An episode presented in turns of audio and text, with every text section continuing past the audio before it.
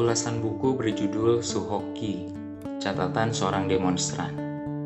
Dinarasikan oleh Yoga Pawaguna, diambil dari tulisan berjudul mencatat sebuah catatan seorang demonstran Suhoki yang ditulis oleh dia Murwaningrum dan dimuat di seratpena.com.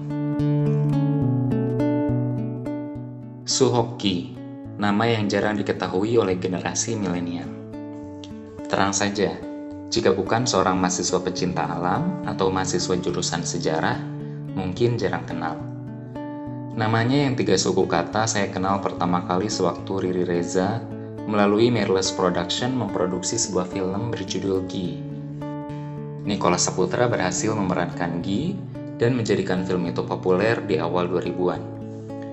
Menurut penuturan Mira Lesmana dalam kata pengantarnya, ini adalah sebuah buku yang sangat direkomendasikan untuk orang muda Indonesia.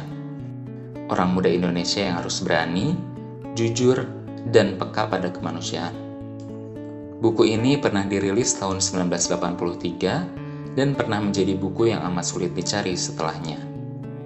LP3ES menjadi perantara terbitnya kembali buku yang tebalnya lebih dari 400 halaman ini.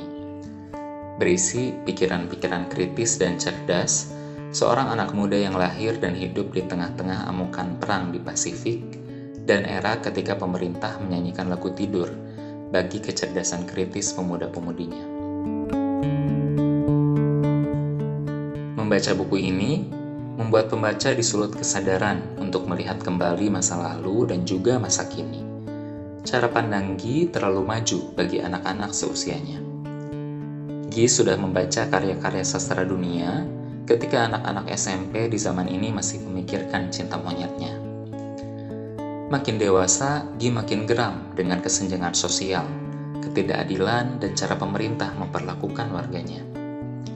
Saat itu, Indonesia dipimpin oleh Soekarno, presiden pertama dan pendiri negara ini.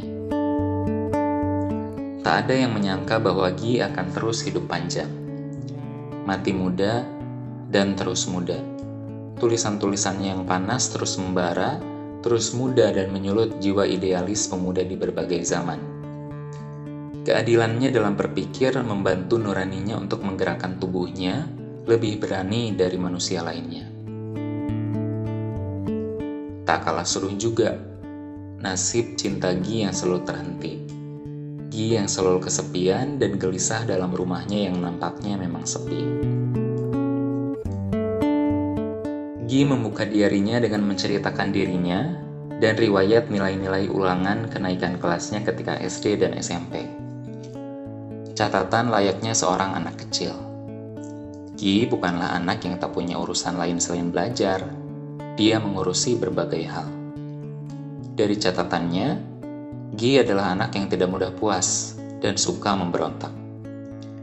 Tak jarang, G juga menuliskan kemarahannya atas sikap-sikap tak adil teman atau gurunya. Bukan satu dua kali dia berseteru dengan guru dan dilanjutkan pada tahap saling dendam. Posisinya yang kanak tak membuatnya takut menghadapi guru atau seniornya.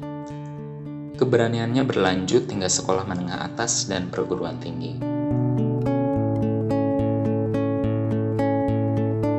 Yang berbeda dari Gi dan pemuda lainnya adalah sifatnya yang begitu peduli pada sesama. Dalam catatan hariannya, dia selalu menulis tentang rasa tidak terimanya melihat penindasan. Gi adalah sosok pemuda dermawan yang rela memberi bahkan hal-hal yang masih dia butuhkan. Jika pemuda lain hanya melihat satu fenomena dan terlewat begitu saja, Gi benar-benar berpikir dan menuntaskan solusi yang terpikirkan meski berisiko bagi dirinya sendiri. Nonton film dan naik gunung adalah simbol dari kebebasannya. Gi menghidupkan kegiatan kampus dengan diskusi film dan mapala. Alam menjadi pelarian kejengkelan pada hiruk pikuk manusia politik di ibu kota, pusatnya pemerintahan. Mandalawangi adalah salah satu gunung yang akrab dengannya dan menjadi tempat terakhir kebersamaannya dengan teman-teman mapalanya. Tahun 59, Saat Soekarno masih berkuasa, Ki melihat orang yang makan buah mangga di tempat sampah. Dia bukan pengemis, juga bukan orang gila. Dia hanya lapar, saking tingginya harga-harga saat itu. Ki berjanji akan selalu konsisten membela orang-orang yang diperlakukan tak adil, dan bukti integritasnya dibawanya hingga tiada.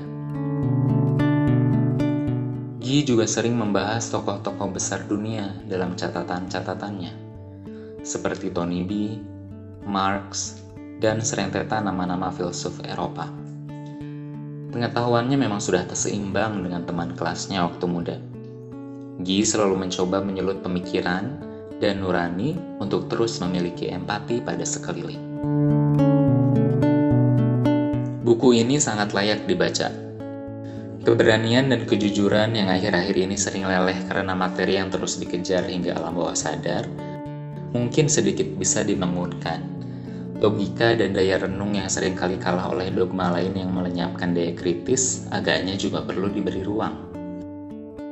Buku ini memberi semangat untuk menciptakan ruang keberanian dalam diri kita dan menaruh ketakutan sedikit jauh di belakang. Tentunya nurani dan idealisme Gi turut muncul dalam pribadi kita setelah membaca buku ini.